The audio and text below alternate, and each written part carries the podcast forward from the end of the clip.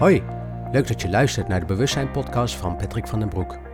In deze podcast maak ik maatschappelijke onderwerpen bespreekbaar en heb ik interviews met inspirerende personen. En worden er handvatten gegeven die je zou kunnen toepassen en die wellicht voor je zouden kunnen werken.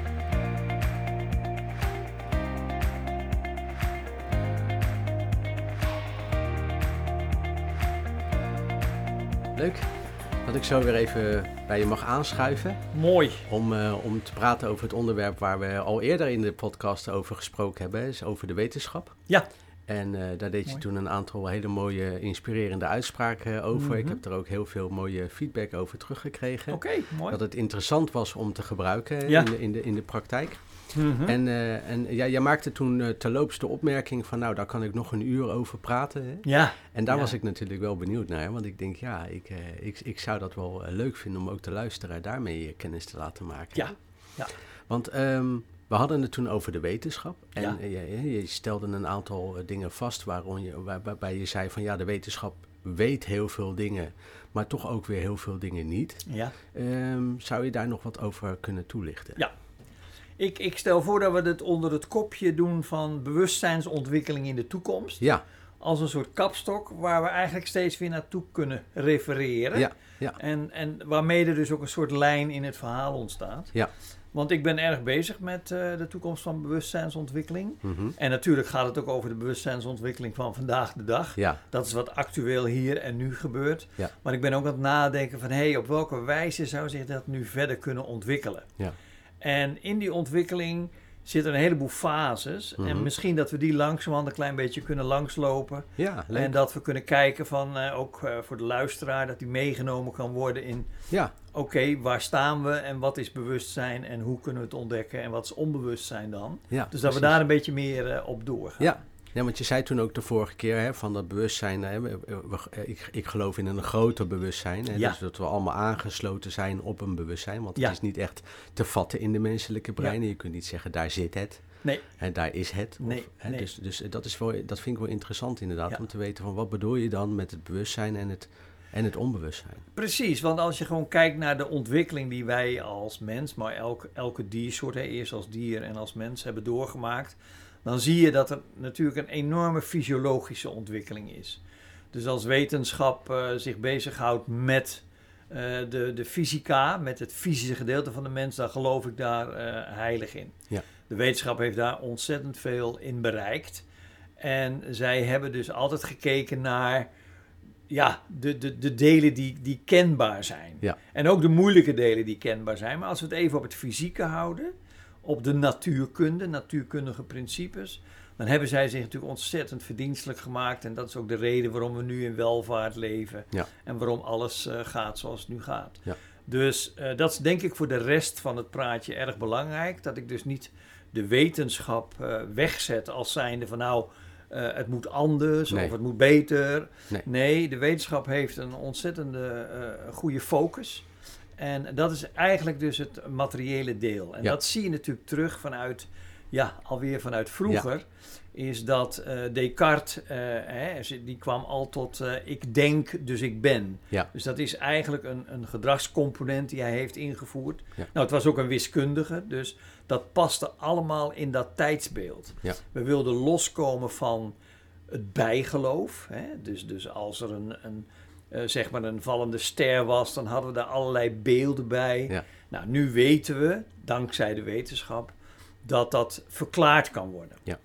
En het interessante is, is dat de wetenschap, naar mijn idee, um, een soort claim legt op dat ze alles kunnen verklaren. Ja. Hè? Ze spreken altijd van dat weten we nog niet.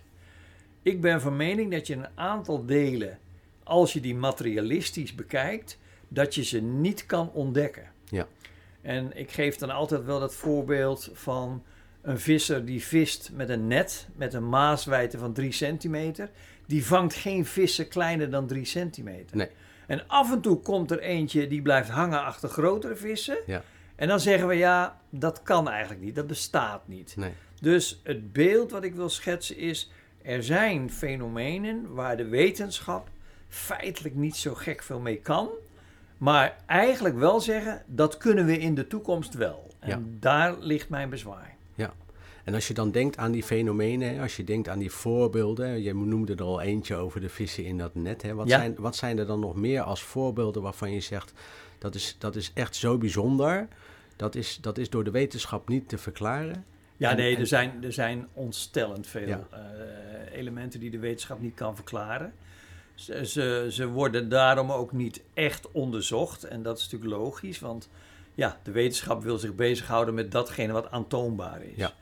Als je een ander voorbeeld wilt hebben, is ehm, waarom is er, er is ontzettend veel onderzoek gedaan naar dat eh, dieren, honden, eh, weten wanneer hun baas thuiskomt. Oh ja, Nou, de, de wetenschapper, ik heb in mijn eh, vrienden, kennissenkring, familiekring een aantal wetenschappers. Ja. En die beginnen dan onmiddellijk allerlei argumenten aan te, hè, aan te geven van Ja. waarom dat niet zou kunnen. oh ja, Maar er is zo immens veel onderzoek gedaan, gewoon ook door gewone mensen, door mensen die een hond hadden en die het onvoorstelbaar vonden dat die hond eh, op de meest onbegrijpelijke momenten van thuiskomst van de baas toch aangaf dat de baas thuiskomt en dat kon hij niet weten. ja, Nou, er is enorm veel onderzoek naar gedaan. Eh, niet zozeer officieel wetenschappelijk onderzoek, maar gewoon mensen die dat meemaakten. ja, En zo zijn er heel veel fenomenen die feitelijk door de, de mens zelf ontdekt worden, maar die Mhm. geen kader krijgen Ja. in eh, zeg maar de wetenschap. oh ja, Een ander voorbeeld is, eh, en dan gaan we eigenlijk direct van psychologie en wetenschap maak Ja. ik de connectie, ja, is dat er vrij veel fraude gepleegd is, als je dat bekijkt Mhm. in het verleden, eh, van psychologie ten opzichte van de wetenschap. oh ja, Er werden allerlei cijfers gemanipuleerd en zo. En dat is heel begrijpelijk. Hm. Ik, ik snap al die mensen die in de, in de publiciteit gekomen zijn, die snap ik zo goed. ja, Omdat als je het wetenschappelijk paradigma wil toepassen mhm, op de psychologie, dan gaan er een aantal dingen niet kloppen. oké, En die elementen wil je als onderzoeker kloppend maken. Ik ben zelf ook onderzoeker. ja, En ik wil eigenlijk ook het wel kloppend maken. Maar ik besef, nee, ik ben nou juist bezig met die andere kant. Dus voor mij is het juist een bewijs als het niet kloppend ja, is. precies. Het hoeft niet altijd Het te hoeft kloppen. niet altijd te Nee. kloppen. Nee, Dus in die zin is het ongelooflijk interessant dat vanuit die psychologie, om het kloppend te krijgen, moet je dingen aanpassen. Ja. En dat neem ik niemand kwalijk, want Nee. we zitten nou eenmaal in dit paradigma van de wetenschap. Ja. Maar ik zou toch wel heel graag eh, zeg maar een lans willen breken voor dat we eigenlijk twee gescheiden werelden hebben. We hebben de wereld van de materie en we hebben de wereld van de psychologie. Ja. Er zijn natuurlijk wetenschappers, er zijn heel veel wetenschappers, die de psychologie als een verlengde zien van de materie. Oh dus ja. psychologie komt voort uit materie. Ja. En dat is naar mijn mening, gezien de enorme hoeveelheid tegenbewijs, ja, is dat eh, eigenlijk eh, vreemd en, en ook niet goed te verklaren. nee. En ehm, ik heb jou ook wel eh, horen vertellen dat je hè, onderzoek hebt gedaan naar bijvoorbeeld duiven die, Ja, die een bepaalde reactie hadden op, op, op situaties waar ze in zaten. Hoe, hoe, ja. hoe kun je daar iets meer over vertellen? Ja. Eh, Rupert Sheldrake is van mening dat Mhm. er zeg maar buiten de wetenschappelijke kaders er zich nog heel veel meer eh, dingen bevinden. Ehm, hij, is een, eh, hij is een wetenschappelijk opgeleide Mhm. bioloog en hij eh, heeft heel veel onderzoek gedaan. Alhoewel hij hele beperkte budgetten heeft, mhm, heeft hij onderzoek gedaan, bijvoorbeeld naar het gedrag van duiven. En het is heel interessant. eh, ik kan iedereen ook verwijzen naar het boek Een schitterend ongeluk van Wim Keizer.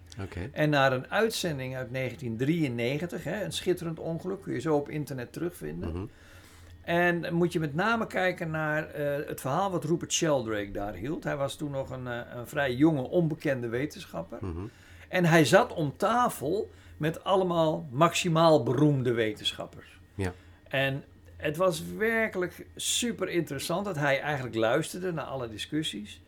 En op een gegeven moment eh, zei de gespreksleider van... eh Rupert, je bent wat stil. Wat zou jij eigenlijk eh, willen vertellen? Ja. En dat vind ik juist zo aardig, van dat hij heel bescheiden is en bescheiden is gebleven. Maar wel heel stellig zijn thema's naar voren brengt. Ja. Dus hij begon te vertellen van niemand weet hoe een duif zijn hok terugvindt. Oh ja. En ik raad echt aan, als je geïnteresseerd bent in dit soort dingen, kijk de video uit kijken, 1993 op Google met Rupert Sheldrake. Want je ziet de reactie van de wetenschappers. En de reactie is eigenlijk een beetje van, jongen, jongen, jongen, weet je dat nog niet? Ja, Je ziet het ze allemaal een beetje zo, ze kijken die groep rond en ze Ja. zoeken steun bij elkaar van, nou, ze ja. denken bijna dat het te simpel is. Het om- is te Ja, simpel om, om aan te pakken. En eh, dus een van die wetenschappers zei van, nou, joh, eh, dat, ze hebben waarschijnlijk een innerlijk kompas. mhm, Hè? En, en hoe dat dan precies werkt, weten we nog niet, maar dat kompas leidt ze altijd weer naar hun hok terug. ja. En toen vroeg eh, Sheldrake aan, ehm, eh, aan een van die wetenschappers van... ehm, stel dat ik jou ergens in een veld drop en je weet helemaal niet waar je bent. mhm. Kom je dan thuis? Ja, zegt hij, kom thuis. Echt, zegt Rupert. Jij komt thuis met een kompas. Nou, ik moet wel weten waar ik ben. ja, precies. En dat is dus heel interessant. Ja. En, en ze begonnen het eh, met vuur een beetje aan de schenen te leggen. Zo Ja. van, nou ja, maar dan, eh, hè, ze, hebben, ze hebben, dus ze zien het, ze hebben zicht. En nou, zegt Robert, heb ik allemaal getest. Ik heb ze troebele lenzen ingedaan. Oh, ze doen het op reuk. Maar heb ik ook getest. Ik heb Ja. hun neusvleugels. Ik heb zelfs hun neus eh, zenuwen doorgesneden. Eh, nou, zegt hij, maar dan onthouden ze de route Oh ja. waar langs duiven vliegen. Nou, zegt hij, ik heb ze in vliegtuigen gezet. Ja, maar dan kunnen ze toch nog voor. Nou, ik heb ze in roterende trommels gezet. En, en het is werkelijk interessant dat ook niemand op dit moment nog weet hoe een duif zijn hok terugvindt. Ja. En in de Tweede Wereldoorlog zijn er ontzettend veel piloten gered. Want die hadden in hun Lancaster bommenwerpers vanuit Engeland... hadden ze altijd een duif bij zich. Oh ja. En als ze ergens landen op zee... eh, en dan uiteraard moesten landen... Ja. vanwege pech of... Ja. eh, Misschien niet dan lieten ze de Ja. duif los. Die kwam binnen een paar uur in zijn hok. Daar lazen ze de coördinaten, want die hadden ze meegegeven aan die duif. En zo zijn er Ja. honderden, duizenden piloten gewoon gered door die duif die gewoon naar zijn hok terugvliegt. Dus het is ontzettend interessant. En ik word altijd een beetje stil als ik dan zie naar de wetenschappers die ervan uitgaan. Nou, ze weten het nu niet, maar als je er even moeite voor doet, dan vogelen we dat wel uit. Ja. En naar mijn mening is dat niet zo. Nee. Terwijl je eigenlijk dan, als je het wetenschappelijk zou bekijken, dan zou de mens dus eigenlijk beter moeten zijn dan de duiven. Ja. Terwijl de duiven dan een betere coördinatie hebben dan dat een mens Die dat hebben, zou eh, hebben. ja, maar die hebben een systeem. Welk systeem weten we niet. Nee, Dat ze zeg maar hun hok weer terugvinden. Zelfs als je het hok verplaatst, eh, komen ze terug binnen een, eh, een, een bepaalde afstand, iets van 7 kilometer. ja, Maar dan fladderen ze eerst wel een tijd rond. Ja. Want het is natuurlijk heel raar. Dat zouden wij ook hebben. Als mijn huis in een andere straat zou, dan zou ik ook niet gelijk naar binnen lopen. Dan Nee. zou ik ook even kijken, hè, wat is er aan de hand? precies. Dus het is, het is allemaal heel interessant Ja. eh, wat er gebeurt. En zo zijn er echt, en Sheldrake heeft er heel veel mooi werk in gedaan. zijn er heel veel prachtige voorbeelden. waaruit blijkt dat we dat, dat is een groot gat zeg maar in de, in de kennis die we hebben. En ik zeg bewust niet wetenschappelijke kennis. Nee, Ik denk niet dat we met de wetenschap dit ooit kunnen oplossen, omdat er een andere dimensie in het spel is. en als je, dan, als je het dan hebt over die dimensie, waar, waar, waar je net, wat je net noemt, hè, Ja. ehm, voor de luisteraar, wat, wat zou je daar dan onder moeten verstaan? Ja, dat is natuurlijk ook een heel interessante. Want ja, hoe, ga je, hoe, hoe werkt dat dan? Ja, En- precies. En, en, daar zijn we natuurlijk nog niet achter. Nee. Maar het is wel heel interessant. Want ehm, nogmaals, ik, eh, de mensen in mijn vriendenkring en kenniskring en familiekring, daar Mhm. praat ik natuurlijk met dit soort onderwerpen tuurlijk. over. Ja. En dan kunnen ze ook echt wel geïrriteerd raken. En, en eigenlijk het ook totale onzin vinden wat ik, wat ik roep en wat ik Ja. zeg. Want eh, het is natuurlijk. Even, even een voorbeeld. We accepteren allemaal het zwaartekrachtveld. Ook Ja. de wetenschap. Ja. De wetenschap ziet de effecten van de zwaartekracht op hemellichamen en zo. Dat is de reden waarom alles in, in, in, Ja. hè, in banen blijft, et cetera. Dat is heel logisch, dat is materieel. Kun je, kun je testen, kun je, kun, je, kun je laten zien en kun je uitvolgen. Dan kun je wetten opmaken. Dat is iets anders als bij ehm, de psychologie van de duiven, waarbij we nog niet weten hoe dat werkt. Maar als we dan noemen, en dat is de ervaring die Rupert Sheldrake natuurlijk ook Ja. heeft, als we dan zeggen het is een veld, dan begint iedereen al een beetje zo van ja, Te ja, protesteren. ja, ja, ja, een veld, een veld. En, en dat maakt het natuurlijk heel interessant om te kijken van op welke wijze vindt die duif nou zijn hok terug? Het is iets wat niet materieel te verklaren is. Nee. Maar er zijn zoveel dingen die we niet materieel kunnen verklaren. Nee. Hè, dus, dus daar kom ik zo meteen nog eventjes op terug. Ja. Dus het is heel eh, interessant om te kijken van... krijgen we zonder de wetenschap wel zicht op die velden? Of hebben we daar de wetenschap bij nodig? Mijn visie is van... wij hebben de wetenschap met de materiële kennis... Ja. nogmaals, fantastisch... Ja. maar wij hebben die niet nodig om te kijken naar het veld waardoor we gevormd worden. Dat is wat Rupert Sheldrake de morfologische velden genoemd heeft. De vormende velden. En die vormende velden, dat is de energie waarlangs, zeg maar, eh, de duifse hok terug kan vinden. Ja. Maar ook hoe cellen zich ontwikkelen, hoe Ja. kristallen zich vormen. Al die elementen die, eh, die eh, zijn onderzocht. En dat maakt het mysterieus. Ja. En dus niet wetenschappelijk. Nee. En tegelijkertijd ben ik er heel erg van gecharmeerd. Ja. Ik ben niet gecharmeerd van de mensen die de fysica, Nee. zeg maar, eh, geweld aandoen. Je hebt natuurlijk eh, Ja. ja. allerlei type mensen, allerlei ook eh, mensen die anderen begeleiden, die dan zeggen van nou ik heb een remedie tegen dit, ik heb een remedie tegen dat. Allemaal Nee. fysieke remedies. Ja. En daar geloof ik niet zo in. Ik ben ervan overtuigd dat de wetenschap de zaakjes goed voor elkaar heeft en weet waarover ze spreken op het materiële vlak. Ja. En dat geloof ik niet op het psychologische of op het vormveldvlak. Ja.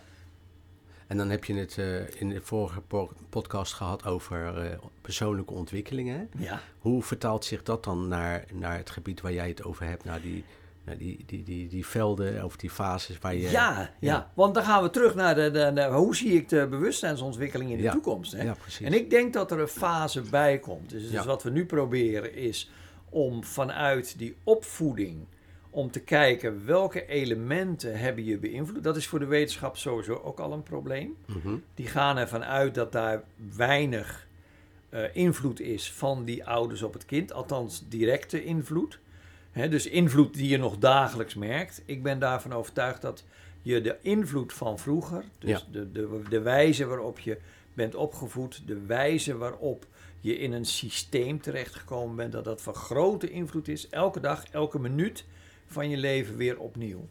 En mijn doel, en, en nou niet ideaal, ik ben niet zo idealistisch, maar mijn doel is, mijn wetenschappelijke nieuwsgierigheid zit hem erop van, op welke wijze worden we nu werkelijk bepaald door die innerlijke patronen? Ja. Als ik dan de verbinding ga leggen tussen de vormende velden en, en, en het veld wat Ja. ons vormt, Ja. dan denk ik dat er ook een enorme invloed is van wie wij als mens zijn. Ja. En dat we die ook meedragen. Dus niet alleen je wordt geboren als een separaat individu, Ja. maar wij hebben allemaal de energie, nou daar gaat hij weer, Ja. de energie van onze voorgangers, van Ja. onze Oh ja. voorouders, van, van het systeem waarin we zijn grootgebracht. Waar ik wel van overtuigd ben, is dat de, de energieën van de generaties, Oh ja. dat die zich in dat veld bevinden. En dat doordat ik in die generatie zit, heb ik toegang tot dat veld. Oh ja. En dus ook eh, zowel de positieve als de negatieve elementen. Dus ik geloof dat er meer is dan ik op dit moment met mijn specifieke ervaringen, maar dat die ervaringen uitgebreid worden met ervaringen van eerdere generaties. Ja. En we vinden het allemaal, eh, als ik, als ik met, met, mijn, eh, met mijn, eh, in mijn kring wetenschappers spreek, ja, dat, dat, dat vinden ze echt allemaal, ja, dat is ongrijpbaar. Ja. Dat is niet, Te zweverig dat is wel. veel te zweverig. En, Ja. en, en dat is wel interessant, want zelfs dromen zijn te zweverig. Ja, ja, ja. Oké. Dus, dus eh, eh, hè, hoe ontstaan dromen? Nou, dat heeft ook allemaal te maken met dit, dit element van wij weten niet op welke wijze energieën in ons werken en op welke wijze wij die kunnen transformeren naar zicht hebben op wie we zijn. Ja. Ik, ik, ben, eh, ik ben ervan overtuigd dat sommige dromen dat die echt eh, veel inzicht kunnen geven in Ja. je huidige werkzaamheden op dit moment. Nou ja, dat hebben we natuurlijk toen de tijd ook in de opleiding eh, Riding the Tiger gehad eh, Ja. bij jou. Ja. Eh, jouw mooie bedrijf, zou je Ja. kunnen zeggen. Ja. Ehm, En daarin zag je dus inderdaad bepaalde patronen terugkomen in die dromen die, Ja. heel, die heel interessant zijn om te onderzoeken. En natuurlijk, wat jij zei in de po- vorige podcast, er is geen absolute waarheid. Hè? Nee. De waarheid zit in jezelf, hè, Ja. dus dat zul je zelf moeten ervaren. Ja. En dan ga je toch hele mooie inzichten krijgen over wat die dromen voor je zouden kunnen betekenen. Ja, en dat is juist de kunst van bij de leiders, omdat die vaak toch, ja, die zitten toch eh, op een eh, specifiek niveau. Ja. Gewoon om daar eh, ook als het ware doorheen te kunnen prikken. Dat is, Ja. dat is, dat is het leuke van het werk. Ja, precies. De bewustzijnsontwikkeling in de toekomst, die zie ik veel meer gaan, is dat we ons veel meer bewust worden van de invloeden die er zijn vanuit het leven wat we geleid hebben en wat we aan het leiden zijn. En ehm, daarin zit nog een enorme ontwikkeling is daarin in mogelijk. En er zijn heel veel elementen die, eh, die daar een rol in spelen. Want Mhm. we hebben er een aantal genoemd. Hè. We hebben de duif genoemd. We hebben de honden genoemd. Ja, De bijna doodervaring is Ja. daar natuurlijk ook weer een is onderdeel ook zo- van. ook zo'n bijzonder Dat fenomeen. is een heel bijzonder Ja. fenomeen waar we nog niet de vinger achter kunnen krijgen. Maar het belangrijkste is, is dat ik hoop dat er een tendens ontstaat dat de, de niet-materiële mens, dus zijn geestgesteldheid, de psychologie van de mens, zijn driften, zijn instincten, dat we dat niet op één hoop blijven gooien met de wetenschap. Ja. Een voorbeeld is dat iedereen waarbij we de act laten zien, er zijn eh, eh, directies van bedrijven die dan vragen: is het gevalideerd? Oh ja, ja. Dat En was die ook zo'n- validatievraag. En er zijn heel veel, er is heel veel kennis die gebruikt wordt zonder dat het gevalideerd is. Ja, Hè? Ehm, iedereen werkt met eh, die, eh, die eh, categorieën van Maslow. De waarde, de waarde, eh, Waardebepaling, piramide, ja. waardepiramide. En iedereen gebruikt hem en iedereen voelt intuïtief aan dat het klopt. En toch is hij nooit gevalideerd. Nee. Hij is nooit wetenschappelijk gevalideerd. En dat is ook niet mogelijk, want het wetenschappelijk paradigma zegt dat je statistiek moet doen. Ja. En statistiek op een individu is niet mogelijk. Dus Nee. je hebt daar een paradox die, eh, die niet goed oplosbaar is. je hebt geen absoluut mens waarvan je kunt zeggen dit is de standaard. Mhm. En van daaruit gaan we st- statistieken opbouwen. Ja, Dat is nee, niet mogelijk. Dat, dat, is, dat is niet mogelijk. Nee. Dus wetenschap ehm, heeft daarin natuurlijk een, een, een hele grote stem ook, omdat het zich dan heel moeilijk kan ontwikkelen. Hm. Als er een algemeen beeld zou zijn van wetenschappers, van, van topwetenschappers, die zeggen: er, is, er zijn nog heel veel elementen die wij niet weten. Wij bepalen ons tot het materiële wereldbeeld. Ja. We weten ook nog niet hoe de geest nou kan voortkomen uit de materie. Oh ja. Want dat beeld, dat proberen ze ook natuurlijk al honderden, duizenden jaren samen te brengen. En dat is nog niet gelukt. En ik denk ook niet dat het gaat lukken, omdat het twee aparte fenomenen zijn die, we, die niet met elkaar uitgewisseld kunnen Nee. worden. En ehm, het is ook interessant, hè, van ehm, mensen hebben last van hoge bloeddruk, Mhm. bijvoorbeeld. Maar hoge bloeddruk is geen probleem, want als we gaan rennen, hebben we een hoge Ja, bloeddruk. Als we schrikken, krijgen we een enorme hoge bloeddruk. Ja. Het probleem is dus niet hoge bloeddruk. Het Nee. probleem is dat die hoog blijft. Ja. En daar... En waar komt dat dan daar door? En, en ja. dat, kun, je- dat kun je je afvragen. Je kunt Ja. niet alles psychologiseren. Ik ben niet de mens die, die zeg maar alle Nee, nee. kwalen kan herleiden tot psychologie. Nee. Er zijn ook hele interessante boeken over geschreven. Maar het is wel een bijzonder fenomeen natuurlijk. Het is een bijzonder fenomeen op, op de manier hoe, hoe lichaam en geest toch met elkaar correleren. Ja. Op, eh, op Wat zou er gebeuren momenten. als iemand inderdaad wellicht minder angstig zou zijn of minder schuld zou voelen? Hoe werkt dat dan ook weer door op het lichaam? Exact, hoe werkt het ook weer door? En dan, hij werkt denk ik andersom. En Dat heeft Viktor Frankl eh, eh, uitgezocht, hè? Met zijn, met zijn logos-therapie. Is namelijk dat op het moment dat je de levenslust hebt, de lust for life, dan heb je ook degene die de lust for life kwijtraakt. Ja. Die ehm, zeg maar daarmee in een fase komen dat ze minder goed voor zichzelf kunnen zorgen en minder goed kunnen kijken naar wat er aan de hand is. Ja. En dat is natuurlijk zorgelijk. Hè? We zien dat ook toenemen. Hè? We zien de burn-outs toenemen, we zien de depressie toenemen. Echt, zeker uh, ook onder jongeren. Ik hoorde het van de week ook weer op de radio dat het echt dat de cijfers uh, binnen het bedrijfsleven echt omhoog gaan van mensen die, ja, die dus blijkbaar ook een stukje zingeving missen van het leven. Ja, ja. En, en, en, en dat ook durven te zoeken. Ja. Dat is dus nog het mooiste natuurlijk, dat ze er echt aandacht aan willen besteden. Ja, ja. ja en, uh, en, en niet, niet blijven doorgaan in, ja, zoals ze dat altijd gedaan hebben. Ja. Maar goed, de problematieken die, die zijn uh, wat dat betreft stevig. En uh, ja, het is echt interessant hoe, hoe zich die bewustzijnsontwikkeling, ja. hoe zich dat ook verder zal ontwikkelen bij, bij de jeugd. Ja. En ik, ik leef en werk in een omgeving waarbij dat dagelijks aan de orde is. Er zitten een aantal jonge mensen in dit bedrijf. En ja. ja, dat is natuurlijk fantastisch om te zien dat zij veel sneller en veel meer gedegen en vanuit echte overtuiging, zeg maar, hun bewustzijn proberen te verruimen door te onderzoeken. Ja. Joh, toen ik 27 was, nou, ik had toch echt geen idee. Nee. Nee, echt. Nee. Dus ja, het is zo interessant om die leeftijdsgroep te zien en die ja, daar fundamenteel anders mee bezig zijn. Ja, en toch blijkbaar is er ook bij jou ergens een vuurtje ontstaan om toch te willen weten hoe dat dan allemaal in elkaar zit. Ja, en denk dat dat die levenslust is. Hè? Vanuit, vanuit het eh, gezin waar ik vandaan kom, was, was met name moeder was erg levenslustig. Die, die wilde het leven gewoon vol in de ogen kijken en aangaan. En, en, en echt dingen doen die ze belangrijk vond om te doen. Ja. Dus die levenslust heb ik meegenomen. Ja, die eh, energie die voel je bij Die energie voel ik. Ik voel die energie om het te willen weten. Ja, ja dat stopt ook niet. Nee, Tenminste, Dat, uh, het kan ook stoppen, maar, maar bij mij is het uh, tot nu toe uh, nog, steeds, nog steeds aanwezig. Ja, ja. en er zijn natuurlijk hele mooie ontwikkelingen in dat opzicht ook. Het is een ontzettende mooie reis, ja. ja. Dus ja, bewustzijnsontwikkeling. Ik denk dat we daarmee zeg maar, de wereld een stukje mooier kunnen maken. Ja.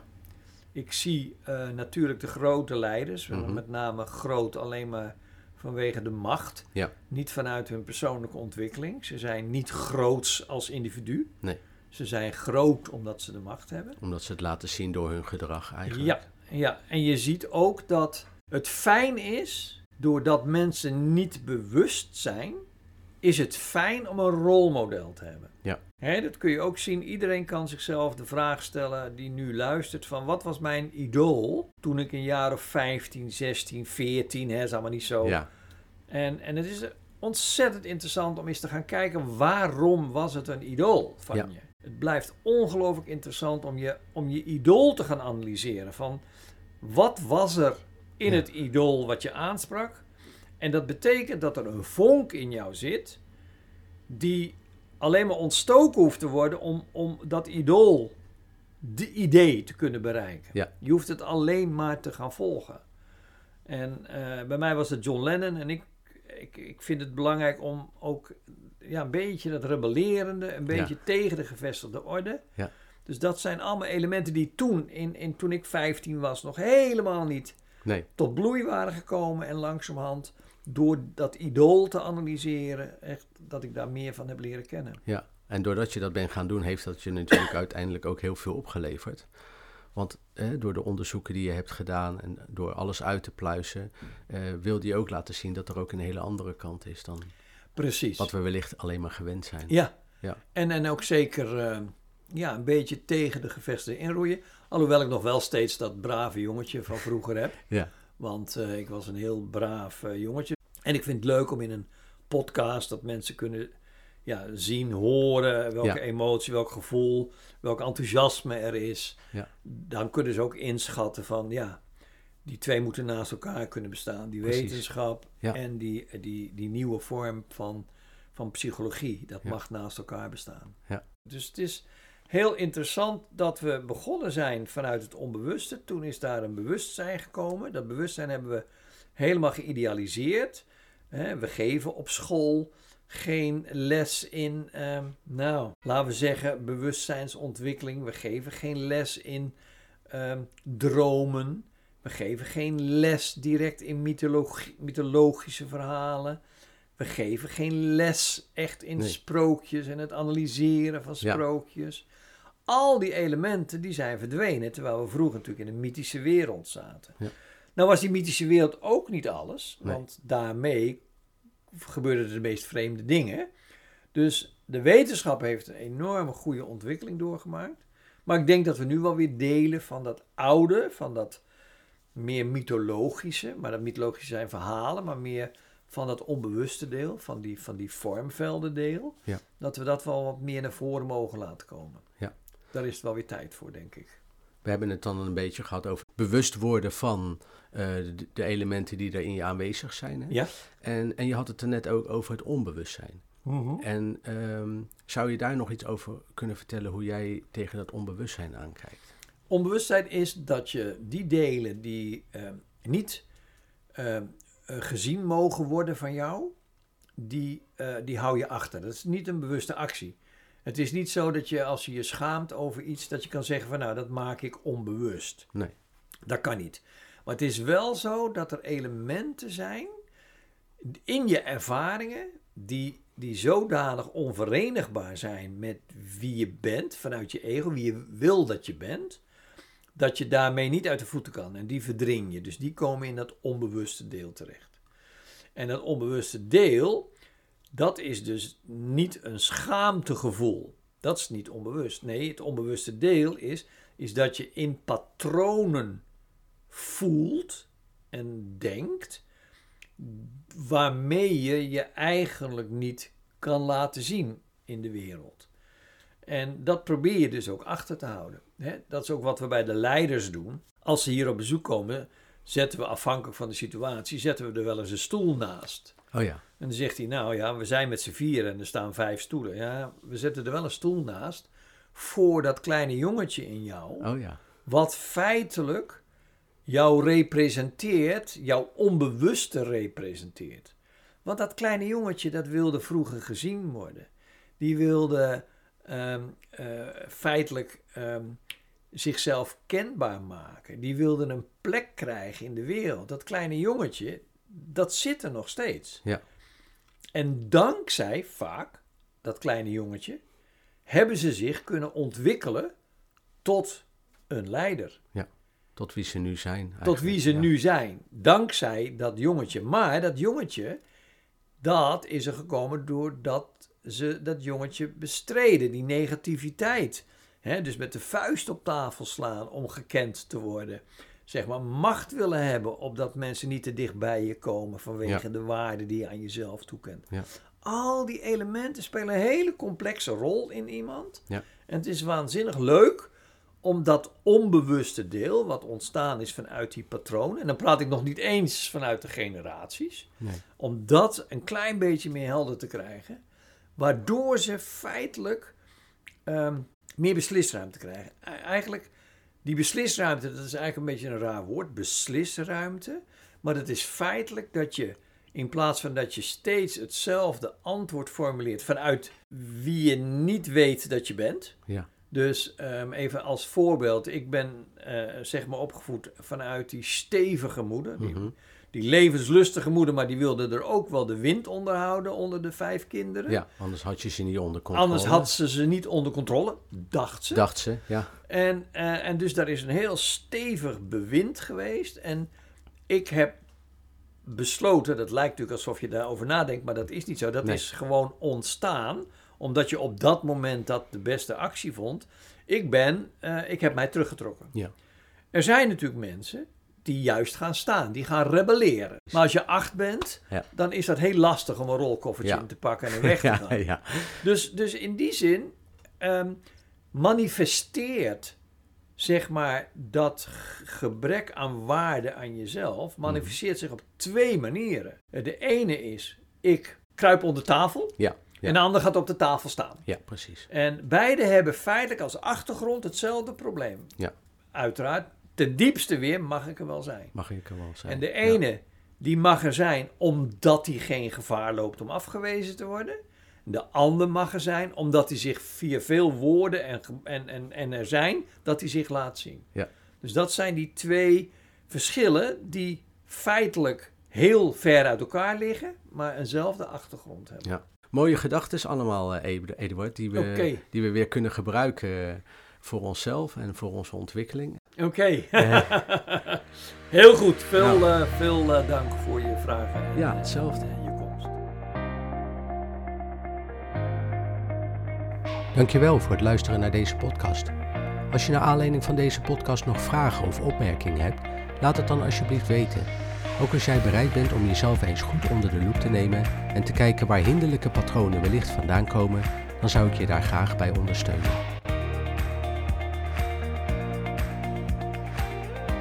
Als je zou besluiten om dat te doen, kun je contact opnemen via www.pvbcoaching.nl of info.pvbcoaching.nl.